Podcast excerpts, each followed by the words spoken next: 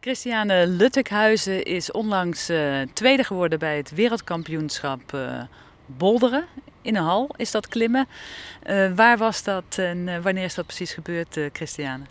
Ja, klopt. Ik ben inderdaad tweede geworden op het WK klimmen in, in Zwitserland, in Bern. Dat was mid-augustus, tweede week van augustus was dat. Dat is nu een maandje geleden. En ben je al een beetje gewend aan die zilveren medaille? Ja, ik had stiekem wel op uh, een andere kleur gehoopt.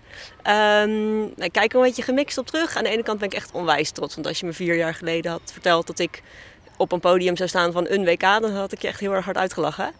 Um, dus daar ben ik echt onwijs trots op. Um, ja, nee, en aan de andere kant, ja, wat ik al zei, ik had toch wel gehoopt dat die goud zou zijn eigenlijk. En het was ook onwijs dichtbij. Uh, met alle finalisten hebben we dezelfde score behaald. Dus het, ja, het zat echt super dicht bij elkaar. Dus aan de ene kant heel jammer en aan de andere kant ja, heel blij met uh, hoe het gegaan is. Ja, want je zegt uh, in de finale, alle finalisten hadden dezelfde score. Hoe, hoe gaat dan zo'n zo wedstrijd? Kun je daar iets over vertellen? Ja, dat is misschien goed om even uit te leggen inderdaad. Um, je hebt een kwalificatiedag en een finale dag. En voor zowel de kwalificaties als de finale worden speciale routes gebouwd. Dus het is op zo'n zo'n 15 meter hoge wand. En de routebouwers die schroeven daar allemaal klimgrepen in om een route te bouwen. Nou, die route die, uh, is dus voor elke wedstrijd volledig nieuw. Die heb je nog niet gezien. Op de kwalificatiedag klim je twee routes. In de finale dag klim je één route als je in de finale staat.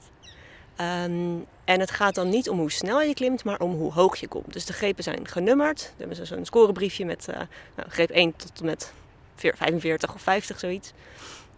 En dan um, krijg je bijvoorbeeld score 42 als je tot greep 42 komt. Nou, wat in de finale is gebeurd, er waren vier finalisten en we hebben allemaal tot greep 42 geklommen. Wat ze dan doen, is best wel uniek, dat gebeurt eigenlijk nooit.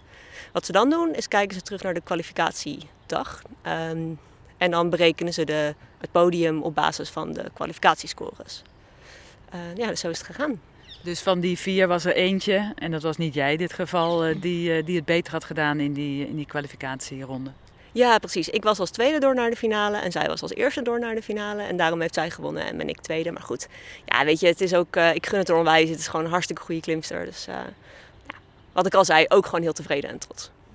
Want je werd uh, tweede, maar er was ook iemand die derde. En die had eigenlijk hetzelfde resultaat, ook in die kwalificatie. Wat gebeurt er dan? Ja, klopt. Nou, dat is een nog meer unieke situatie. Um, het is echt heel specifiek hoor. Maar uh, degene die inderdaad derde is geworden, dus ik ben tweede, zij is derde.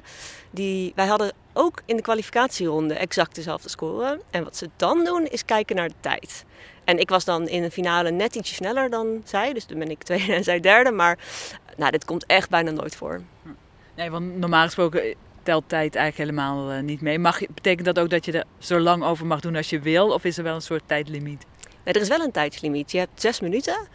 Uh, maar ik moet zeggen, zes minuten, de hang, want hangt ook best wel over. Het was 30 of 40 graden uit mijn hoofd. Uh, nou, ik kan daar geen zes minuten aan hangen. Tegen die tijd ben je echt wel goed uh, verzuurd in je onderarmen. dus er zit een tijdslimiet op, maar de meeste mensen die vallen uit de route voordat ze die tijdslimiet halen. Want hoe lang doe je dan over om naar greep 42 te komen? Een minuutje of drie, vier, zoiets. Drie minuten nog wat. en dan moet je ook eigenlijk stoppen omdat je gewoon het niet meer houdt? Of is het omdat je niet die volgende greep te pakken krijgt? Ja, het kan allebei. Het kan inderdaad zijn dat je... Je klimt natuurlijk met je hele lichaam, maar ook wel heel veel op je, je armen en je handen. Um, dus dat je, je onderarmen zo verzuurd zijn dat je gewoon niet meer vast kan houden. In dit geval hadden ze een hele dynamische pas gebouwd. Dus je moest echt van greep 40 naar 41 of nou, weet ik veel, moest je echt springen. Dus je komt dan echt met je hele lichaam los. Dan pak je de volgende greep. En die hebben we allemaal zo aangetikt, maar niet vastgehouden. Uh, maar dat was echt een hele vette eindpas. En uh, ja, je zegt van je doet het met je, met je hele lichaam, maar jij bent een, een paraklimser. Dus dat suggereert dat er ergens in jouw lichaam iets niet helemaal functioneert uh, zoals het zou moeten. ja, dat klopt. Nou, het is, het is heel mild hoor. Ik uh, zeg altijd dat ik echt, nou dat klinkt een beetje gek, maar ik ben heel blij met mijn beperking.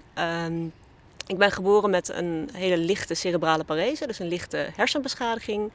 En dat heeft invloed op de hele linkerkant van mijn lichaam. Dus mijn hele linkerkant is ongeveer 25% minder sterk dan de rechterkant. En wat ook nog heel erg meespeelt in het klimmen is dat mijn linker enkel bijna niet kan bewegen. En mijn heup is ook een beetje beperkt. Maar eigenlijk in het dagelijks leven, en ik heb daarin ook best een gekke positie in de parasport, heb ik bijna nergens last van. Ik, uh, werk nu in een restaurant en dat kan gewoon allemaal. Ik kan rennen, ik kan lopen, ik kan backpack wandeltochten maken. Ehm, en daarin merk ik echt bijna niks. Maar ik mag ook naar de wereldkampioenschappen. Dus nou, ik zou er zo nog een keer voor tekenen. Want uh, daar zit met parasport altijd een soort klassificatie aan. Zit jij dan zeg maar ook in de, ja, hoe noem je dat, de mildste klasse of de minst beperkte klasse? Ja, klopt. Mijn categorie heet eh, RP, dat staat voor Limited Range of Power and Mobility. En ik zit dan in RP3, dat is de minst beperkte categorie. En daarin, ja, die klassificatie is altijd wel spannend, want ik zit echt aan de ondergrens van, ja, ze zeggen, de, de klassificatieartsen zeggen dan van ja, we zien echt dat je wat hebt, maar ja, het is een heel puntensysteem, je scoort precies genoeg punten. Dus ze klassificeren me elk jaar opnieuw. Um, dus elk jaar, nou, een dag of twee, drie voor de eerste World Cup, hoor ik of ik weer mee mag doen. Uh, dus dat is niet optimaal, maar goed, ja, het is de ja, situatie is zoals het is. En ik ben, uh, tot nu toe mag ik elk jaar meedoen. En uh, ja, ik vind het wel vet. Want dat zou, zeg maar, het risico zit erin dat op een gegeven moment iemand zegt: ja, maar je bent eigenlijk niet beperkt genoeg. Ja, dat risico zit er wel in. Ja, ja, en dan is het ook gewoon klaar. Dan mag je niet het jaar daarna nog een keer proberen of zo. Dan is het gewoon echt afgelopen. Ja. Nou, dat lijkt me wel, wel, wel, wel spannend als je eigenlijk zo onzeker bent over over zo'n toelating? Ja, het is niet mijn favoriete dag van het jaar. Maar aan de andere kant, um, ja, je kan er niks aan doen. Het is gewoon wat het is. En mocht ik op een gegeven moment eruit liggen, dan heb ik alsnog zoveel geleerd. En ik ben zo'n betere klimmer geworden. En uh, ik heb door het klimmen ook heel veel meer zelfvertrouwen gekregen. Ik zit onwijs goed in mijn vel. En ja, als je dan wel of niet mee mag doen met de wedstrijden, dat is dan tuurlijk onwijs kak. Dat wil je niet. Maar ja, je hebt er alsnog een paar jaar superveel van geleerd. Dus uh, we gaan het zien aan komend jaar. Ja. Want je hebt ook echt uh, voor dit WK gekozen voor een voorbereiding in Oostenrijk. Bij een half jaar gaan wonen. Wat maakt Oostenrijk zo bijzonder dat, dat het klimmen daar beter is? Ja, ik snap, je hebt daar ook echt bergen in de natuur. Maar jij klimt in een hal. Ja, klopt. Nou, in Nederland is inderdaad een licht gebrek aan bergen. Um, maar in Oostenrijk, ik was in, uh, in Innsbruck, in Tirol. En daar staat een van de beste klimhallen van Europa. Of misschien wel de beste. Um, en je hebt daar gewoon trainingsfaciliteiten die je in Nederland niet zo snel kan vinden op één plek. Um, ja, ik kreeg de kans om daar een half jaar heen te gaan. En uh, nou, niet eens alleen voor het klimmen hoor. Dat is ook echt onwijs gaaf om daar uh, een half jaar te zitten. Maar het heeft me ook wel heel erg geholpen om gewoon alles zo gecentreerd op één plek te kunnen trainen. ja, daardoor ben ik wel onwijs vooruit gegaan. En is er, train je dan ook samen met mensen die eigenlijk helemaal geen beperking hebben? Of is dat toch echt een apart wereldje? Ja hoor, ja, ja. ik heb daar wel wat vrienden gemaakt die bijvoorbeeld in het Oostenrijkse parateam zitten. Dat is heel gezellig altijd. Uh, maar de meeste mensen met wie ik train, die hebben geen beperking. En dat gaat eigenlijk prima samen. Je hebt in die zin niet speciale faciliteiten nodig?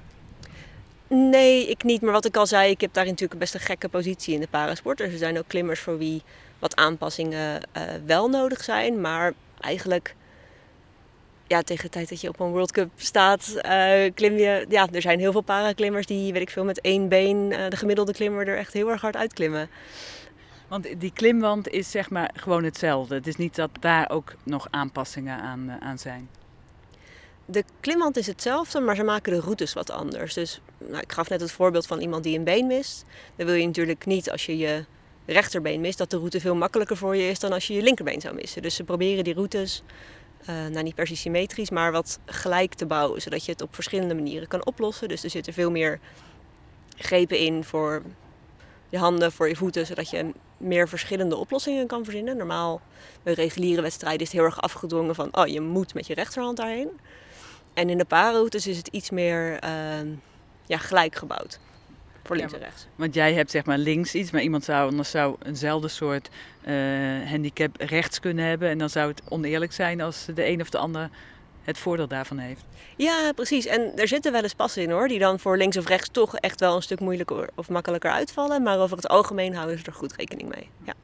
Ja, want als je net zei over zo'n sprong maken, ja, als je een been echt helemaal mist, dan lijkt me dat wel een hele lastige passage.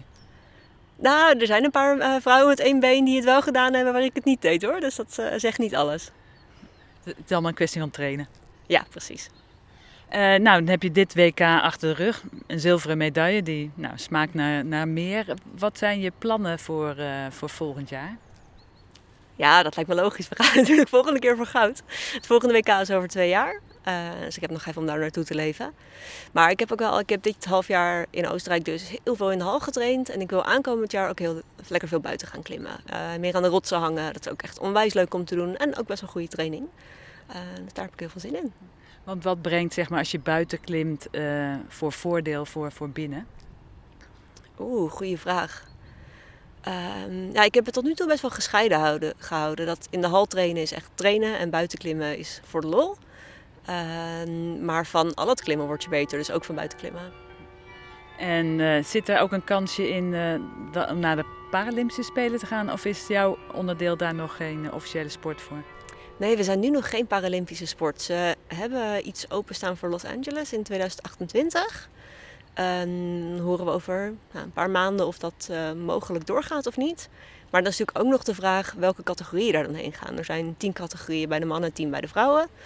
Uh, en de kans is vrij klein dat die allemaal daarheen gaan. Uh, dus ja, ik geef het eerlijk gezegd een kleine kans. En anders misschien 2032, maar goed, dan ga ik richting de 40. Dus dat zien we tegen die tijd wel. Maar, maar Los Angeles zou je wel voor, voor willen gaan? Nou, als mijn categorie daarin zit natuurlijk. Ja, zeker. Uh, en tot die tijd is het dan het, uh, van het WK. Afgelopen augustus was er ook hier in, uh, in Rotterdam, ja hier zeg ik maar, in Rotterdam toch vrij dichtbij, een Europees kampioenschap voor heel veel parasporten. Daar zat ja, klimmen dan volgens mij niet, niet bij. Maar zie je dat, dat soort dingen als een goede ontwikkeling? Ja, zeker. Ik denk dat parasport steeds meer aandacht krijgt en steeds meer op gelijke voet komt te staan met de reguliere sport. Dat vind ik natuurlijk een onwijs goede ontwikkeling. Ja. Wat zou je willen dat er zeg maar, nog meer uh, zou veranderen op dat gebied? Oeh, daar zou ik even over na moeten denken. Wat moet... nou, ik, ik denk dat we de ontwikkeling zoals die nu is gaan door moeten zetten. Dat, uh, wat ik net ook al zei, parasport krijgt steeds meer aandacht en wordt ook steeds denk ik serieuzer genomen als sport. En ik denk dat we dat met z'n allen door moeten zetten. Wat zou je tegen mensen willen zeggen die denken, joh, klimmen, kan ik dat wel? ik heb niet zo goed gebruik van één hand of één been? Of heb je bemoedigende woorden? Ja, zeker. Iedereen kan klimmen. Um, en dat is ook het leuke van de klimsport. Ook in het reguliere klimmen heeft iedereen een hele eigen klimstijl, eigen voorkeur voor wat ze wel en niet leuk vinden, waar ze wel en niet goed in zijn. En eigenlijk vertaalt zich dat prima naar de parasport, want daar heeft iedereen ook zijn eigen oplossing en zijn eigen manier van klimmen, alleen een wat meer uitvergroot. Um, dus ja, klimmen is echt voor iedereen. En probeer het gewoon een keertje, het is onwijs leuk. En zeg maar, ook als je er misschien niet super goed in wordt, dan is het nog steeds leuk om te doen? Tuurlijk. Nou, het, is, het is ook echt een hele sociale sport. Ik heb heel veel vrienden gemaakt in het klimmen. Um, er zitten een paar klimhallen in Leiden. Het is ook altijd leuk om daar te zijn. Hele leuke mensen. Een hele ja, open community. Uh, dus iedereen is altijd welkom.